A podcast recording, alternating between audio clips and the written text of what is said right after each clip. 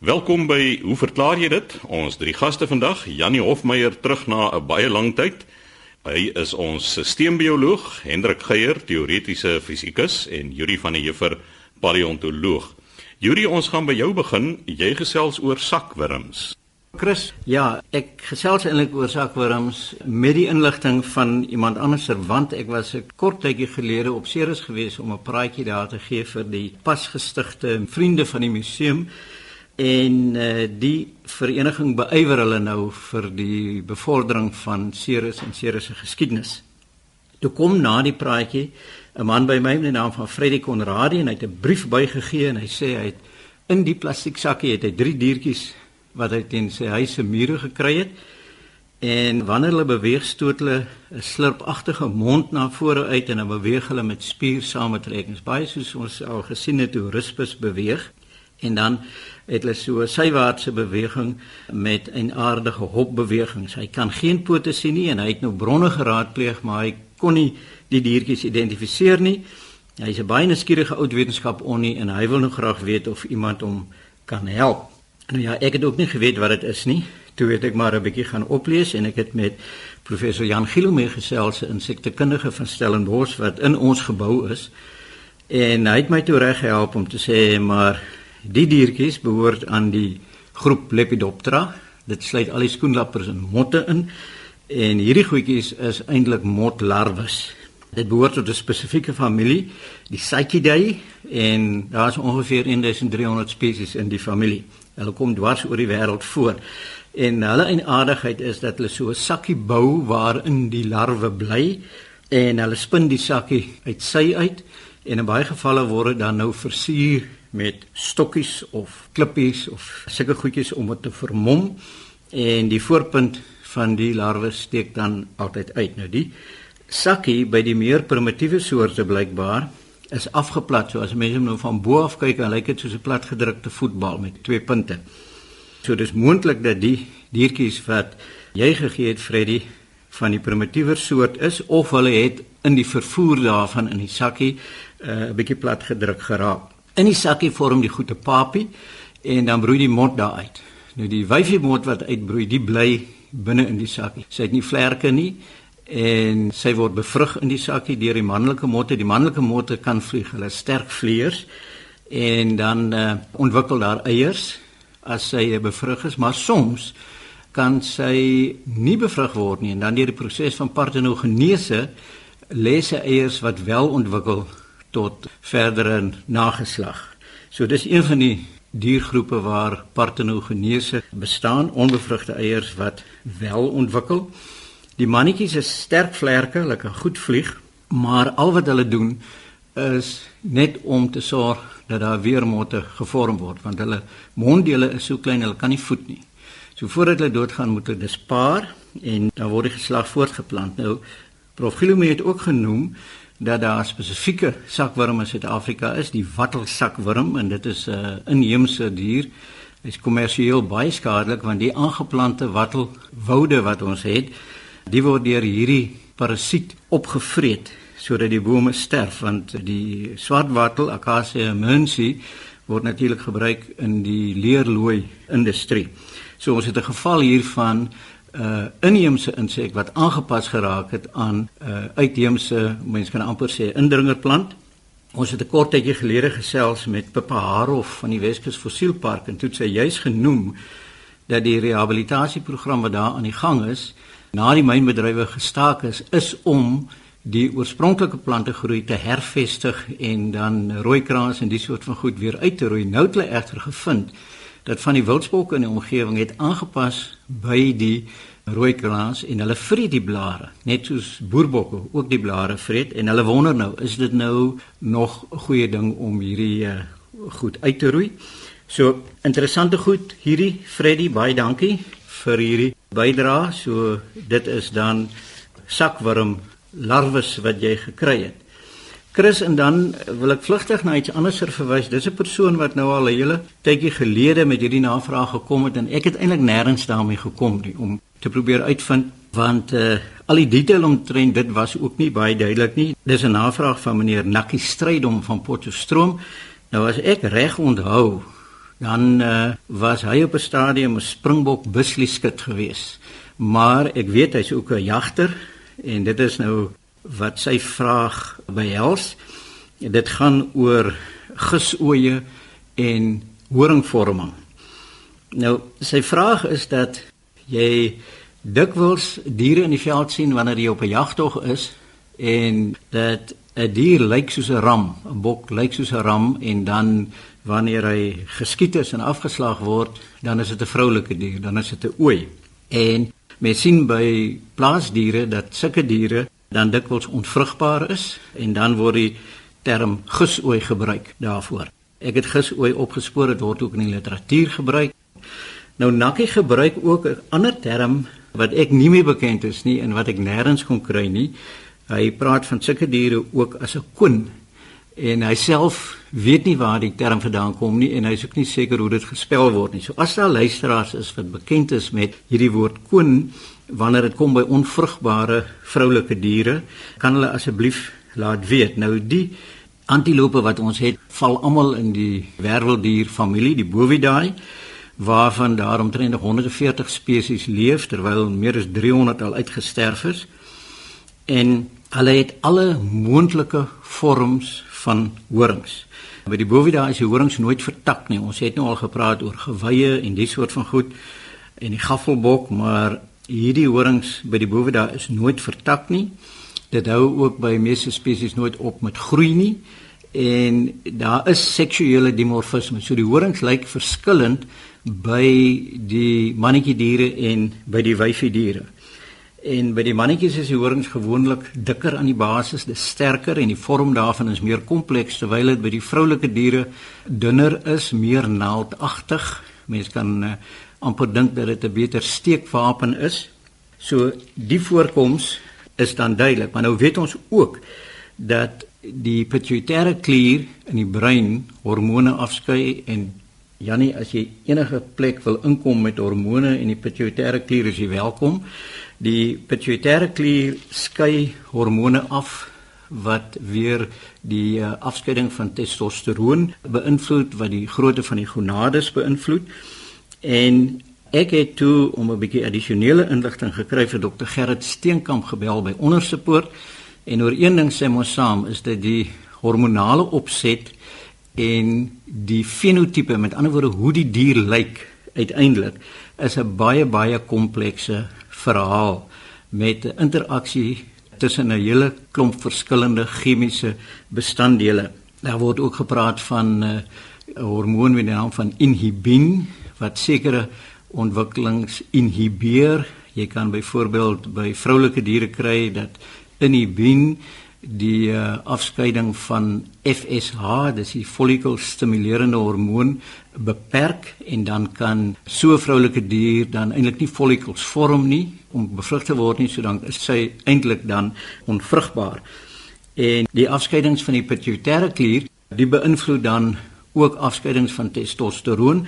So daar is genoeg agtergrondinligting En dis so 'n komplekse proses dat variasies in hierdie afskeidings kan natuurlik 'n uh, dier meer manlik of minder manlik of meer vroulik laat voorkom of 'n vroulike dier meer manlik laat voorkom soos uh, Dr Steenkamp ook uitgewys het en baie van hierdie goed verskyn dan in die fenotipe hoe die hoe die bok lyk, die vorm van die horings, die kleur van die hare en die soort van goed. En boonop is dit bekend dat kastrasie by manlike diere veroorsaak dat horingverlies plaasvind. So daar's 'n direkte skakel tussen testosteroon in die horingtipe en die vorming van die horings by manlike diere.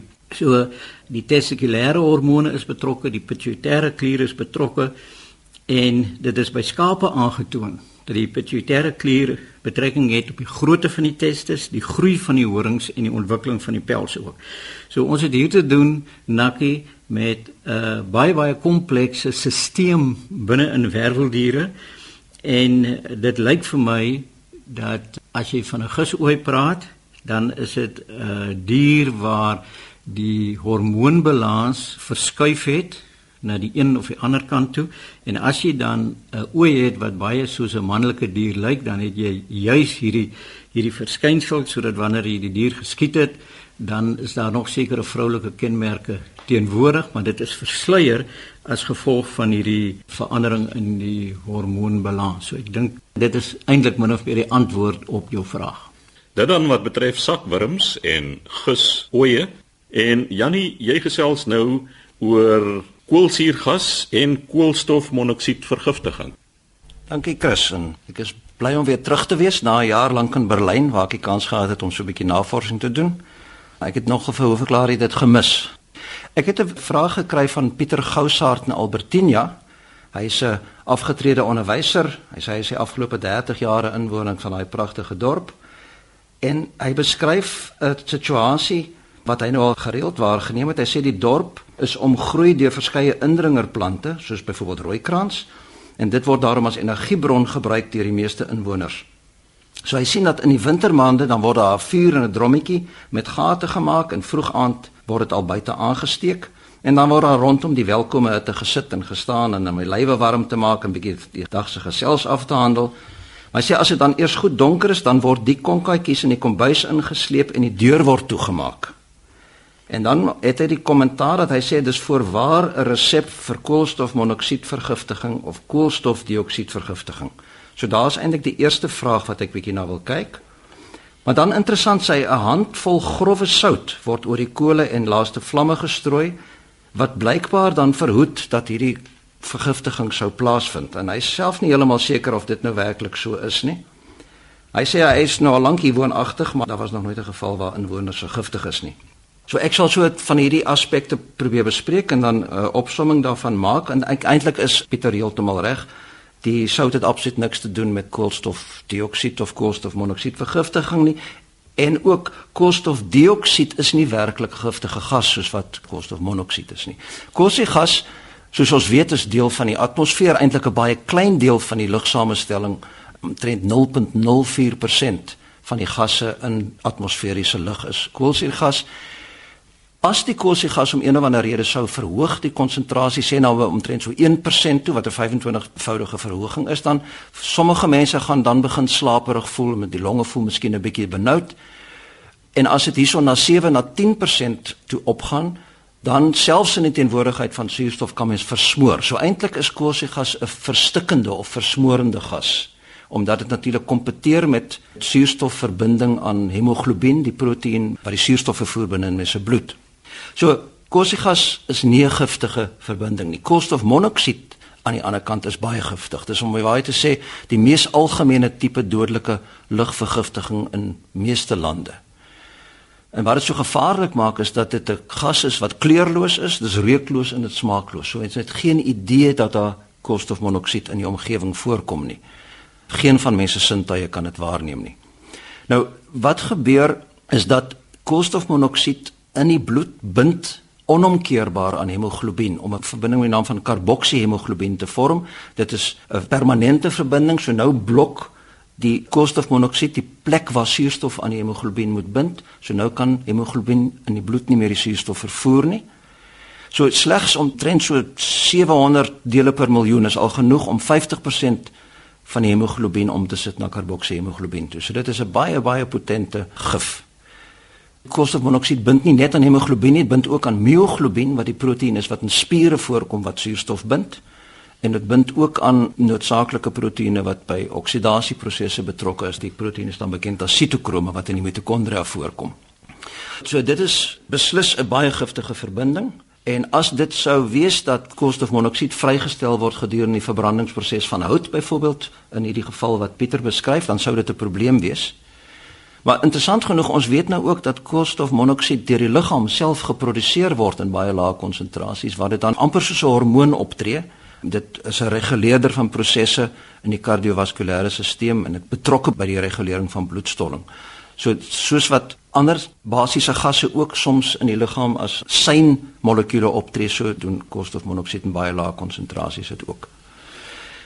So die vraag is nou as jy verbranding van hout kry, word koolstofmonoksied ooit geproduseer? En die antwoord is net as daar baie baie min suurstof is, dan word die oksidasie nie volledig na koolstofdioksied of koolstofgas gedoen nie, maar slegs partieel tot by koolstofmonoksied. Maar in die situasie wat deur Pieter beskryf word, sal daar waarskynlik geen koolstofmonoksied geproduseer word in die verbrandingsproses nie. So dis nie eintlik 'n probleem nie. Kyk, gloeiende kole soos wat nou in die konka in die huis ingedra word, die brand nie meer aktief in elk geval nie en produseer in elk geval dan ook nie CO2 nie.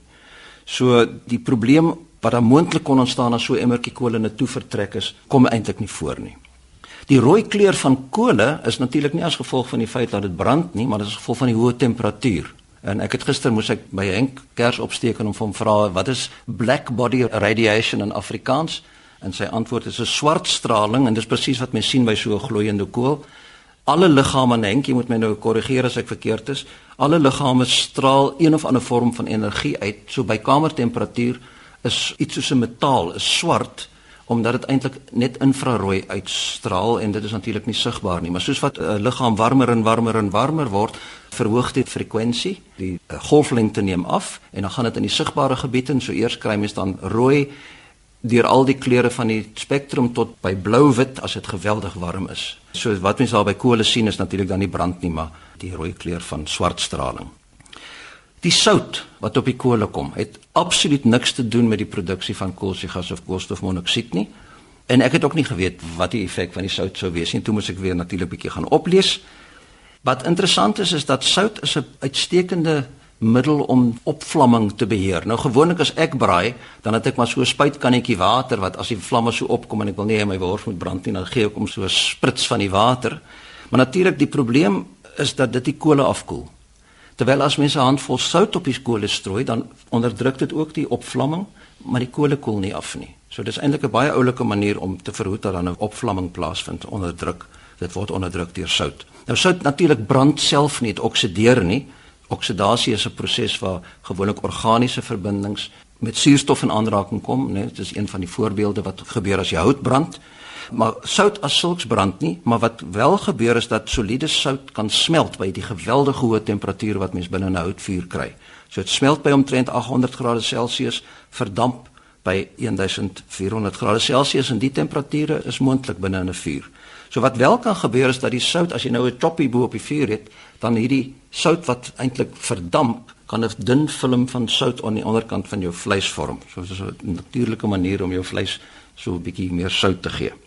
Maar wat wel gebeur natuurlik as jy sout op vlamme gooi, dan sien jy ewe skielik 'n kleur. So metaalsoute, die gee kleur. Daar's ook knalgelykies. Nou Pieter verwys ook daarna. Die knalgelykies is nie as gevolg van die sout wat nou ewe skielik ontplof of iets nie. Natuurlik die sout het water by.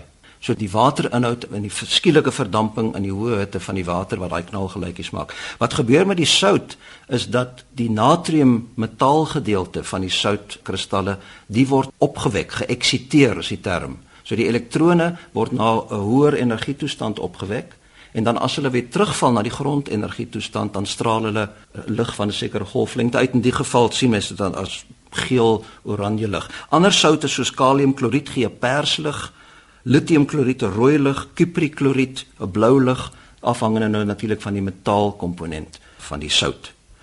So ek dink Pieter, jou waarnemings is heeltemal korrek en jou twyfel dat die sout 'n uh, effek het op koolstofgas, koolstofmonoksiedproduksie is heeltemal korrek.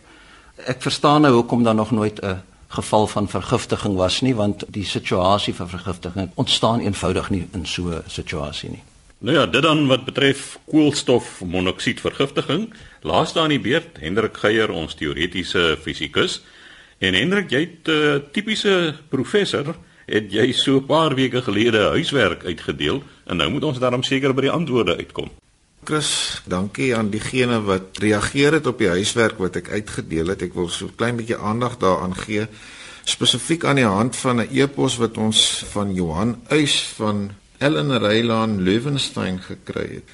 Nou, ek moet dan seker nou net weer kortlik sê wat die huiswerk behels het. Chris, daar was so 'n paar vragies wat almal te maak gehad het met hoe 'n wateroppervlak onder verskillende omstandighede sal reageer wat ek nou in groter besonderhede sal beskryf en dan was daar 'n laaste wiskundige tipe vraagie van iemand wat homself of haarself in 'n sirkelvormige swembad bevind en na die kant toe probeer swem en wegkom van 'n hond en daar was spesifieke inligting oor hoe vinnig die hond kan hardloop vergeleke met hoe vinnig die persoon in die swembad kan spring. Nou maar kom ons begin nou met al hierdie waterstories. Die drie situasies wat ek geskets het was eers ys wat in 'n beker water dryf en mettertyd smelt. Die tweede was 'n betonblok wat aanvanklik in 'n bootjie op 'n dam is en waar 'n mens dan die betonblok oor die kant stoot om onder die water te beland. En die derde was soortgelyk waar ons die betonblok eenvoudig met 'n persoon vervang het wat in die water inval uit die bootjie uit. En die vraag telkens was wat gebeur met die wateroppervlak relatief tot die situasie voor die ys gesmelt of die voorwerp, die beton of die persoon in die water beland het vergeleke met daarna. Nou al hierdie goed verstaane mens eh, soos wat Johan reg uitgewys het as 'n mens weet wat Archimedes se beginsel behels en Archimedes se beginsel sê eenvoudig dat enige iets wat dryf verplaas 'n volume water waarvan die gewig die gewig is van die ding wat dryf. En dit is nie moeilik om te verstaan hoekom Archimedes se beginsel presies so werk nie. Want wat 'n mens jou kan voorstel is as jy nou na 'n drywende voorwerp kyk en in jou gedagte daai voorwerp uit die water uithaal sonder dat die gat waarin die voorwerp was toevloei en jy vervang daardie gat met water Dan as jy nou na die laasgenoemde situasie kyk, gaan daar natuurlik niks met daardie water gebeur nie. So wat 'n mens daaruit aflei is dat die omringende water oefen op daardie gevulde gat 'n krag uit wat daarvoor verantwoordelik is dat daai volume water nie sink in die res van die water nie. En ons weet dit is eintlik die definisie van 'n vloeistof. So die krag wat enige volume water wat jy dink beeldig binne in 'n groter omliggende stuk water isoleer die krag wat daarop uitgeoefen word is eenvoudig net die gewig van die water wat jy ondersoek. So dit vertel vir jou dat wanneer iets dryf, ondervind dit daardie krag wat daar sou gewees het as die drywende voorwerp deur water vervang sou word en dus lei 'n mens daaruit eenduidig af dat die grootte van die krag wat die drywende voorwerp ondervind is dieselfde as die gewig van water wat die gat sou vul of as 'n mens nou die storie omdraai soos dit gewoonlik geformuleer word en dit was die formulering wat Johan en ek nou aan die begin gegee het is om eenvoudig te sê 'n drywende voorwerp verplaas so 'n volume water dat dit die gewig sou wees van die drywende voorwerp. So as 'n mens nou dink aan die ys, dan is dit duidelik as die ys klaar gesmelt het, het dit 'n gat volgemaak wat water is presies die volume water wat gesmelt het. So die oppervlak van die water gaan presies dieselfde bly. Of die ys nou aanvanklik gedryf en gesmelt het op enige tussenstadium bly die wateroppervlak presies dieselfde. Aan die ander kant 'n betonblok is duidelik iets wat 'n baie hoër digtheid as water het. So die volume water wat verplaas word is die volume wat dieselfde gewig het as wat die betonblok het. En dis natuurlik 'n volume water wat 'n baie groter volume het as wat die blok self het. So as die blok uiteindelik onder die water beland, verplaas hy minder water of neem hy minder plek op as wat hy opgeneem het toe hy gedryf het. So as die blok in die water val, dan gaan die watervlak eintlik sak. Aan die ander kant, soos Johan hierso sê, as 'n persoon nou 'n boot in die water val, dan sê hy so 'n bietjie tong in die kies, dit hang af hoe dig die persoon is en dan sê hy nou hier mooi, hy bedoel daarmee die digtheid van die persoon. En dan sê hy vet mense dryf makliker en mense soos ek met dik gebeendere en wat gespierd is sink makliker.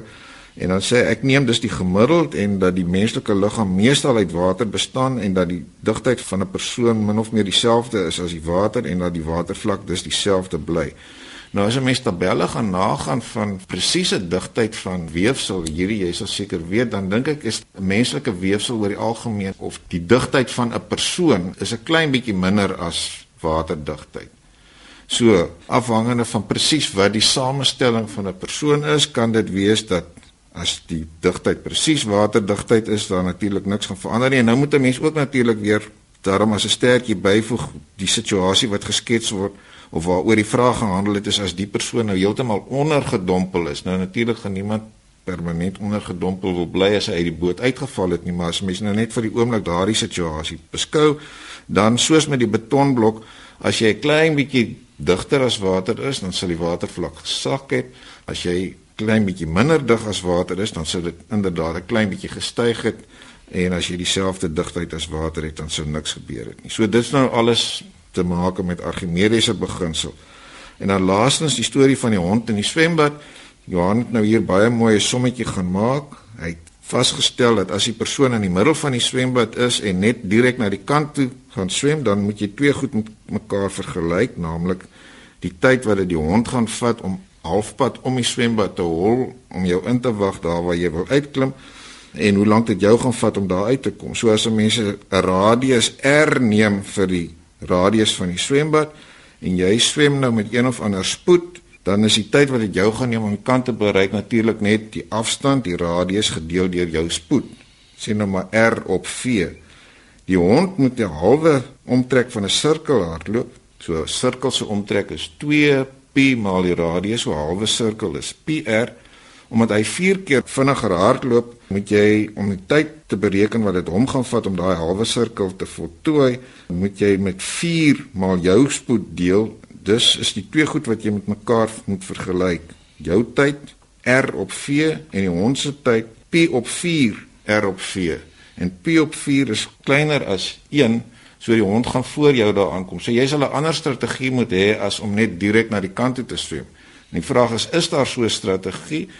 En Johan het dit nou hier baie mooi uitgewerk en kom min of meer daarop neer en nou sê jy natuurlik daarom redelik goed moet kan skat min of meer waar 'n kwart van die radius van hierdie swembad is. En as jy stadig uitspiraal van die middel af en sorg dat jy nie verder as 'n kwart uitbeweeg nie dan beteken dit in daai klein self gedefinieerde sirkeltjie met 'n kwart van die radius kan jy in die ronde vinniger swem as wat die hond rondom die swembad kan hardloop. So uiteindelik kan jy die ding so manipuleer dat jy net 'n 3 kwart van die radius moet uitswem terwyl die hond aan die ander kant is. En as mens nou die sommetjie gaan maak, dan kom jy agter jy kom betyds aan die ander kant uit en kan jy wegkom. So dit was so 'n bietjie ligte vermaak met spoedafstand en om uit te vind presies hoe mens 'n hond kan uitoorlê. Hendrik, ek is so verlig iemand het 'n oplossing gevind vir daardie swembad en die hond want ek dink die heeltyd trouens ek lê wakker snags oor die mense wat daar in die swembad die afgelope paar weke probeer om die hond te flous. Dit was dan Hendrik Geier, ons teoretiese fisikus. Ongelukkig het die tyd ons ingehaal. Skryf gerus aan, hoe verklaar jy dit? Posbus 2551 Kaapstad 8000 of stuur 'n e-pos aan chris@rsg.co.za.